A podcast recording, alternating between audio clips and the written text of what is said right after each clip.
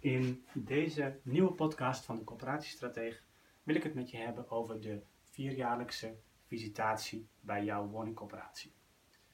En ehm, daarbij wil ik je vijf tips meegeven om ervoor te zorgen dat je die visitatie soepel kunt doorstaan en dat je daar ook nog het een en ander zelf uit kunt halen.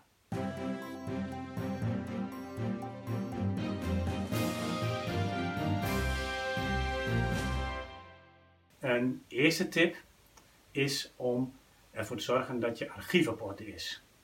Nou, als je net voor de visitatie staat, ja, dan komt deze tip voor jou misschien een beetje te laat. Andere tips kun je nog heel veel aan hebben, maar deze tip komt misschien wat te laat.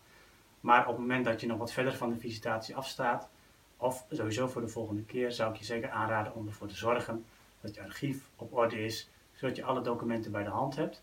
Heb je niet alleen iets aan tijdens de visitatie, maar natuurlijk ook op elk ander moment dat je zelf informatie wilt raadplegen of informatie wilt opleveren aan, uh, aan bijvoorbeeld een autoriteit of een WSW.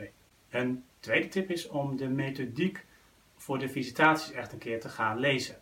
En als je die gaat lezen, die kun je gewoon uh, vinden op het internet, op visitaties.nl.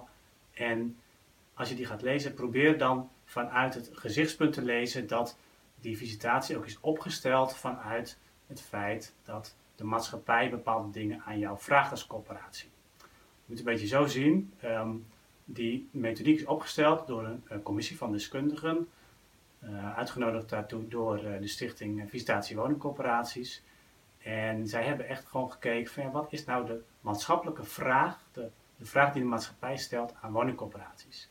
Als je er op die manier naar gaat kijken, dan zul je ook zien dat het ook heel logisch is, een heleboel dingen, om die te gaan opvolgen. Probeer daar vooral um, niet om uh, precies altijd binnen de lijntjes te kleuren, want er zijn natuurlijk altijd lokaal uh, verschillen. Maar probeer wel met die bril te kijken van echt een maatschappelijke vraag die aan corporaties gesteld wordt. Um, ja, daartoe ben je uiteindelijk natuurlijk ook op aard om die in te vullen. Een derde tip is om ook voor jezelf te bedenken, voorafgaand aan de visitatie, wat je eruit wilt halen. Je kunt het natuurlijk zien als een verplicht nummer.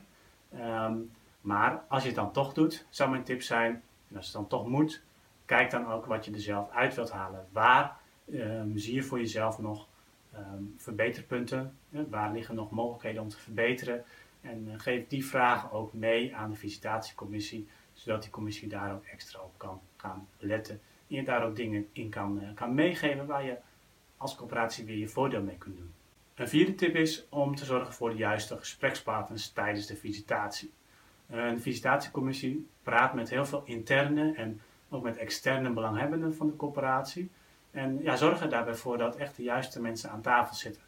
Dus um, ook bewoners uh, en bepaalde zorgpartijen.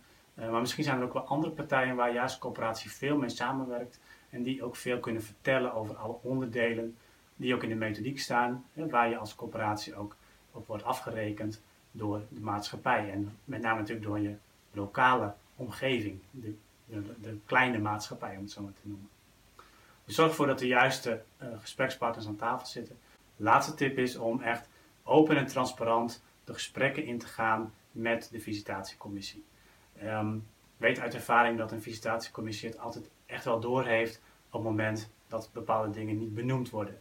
En uiteindelijk komt een visitatiecommissie er altijd wel achter, bijvoorbeeld door het gesprek met de gemeente of met, door het gesprek met andere belanghebbenden of door het gesprek met een andere interne partij. Dus wees gewoon open en transparant.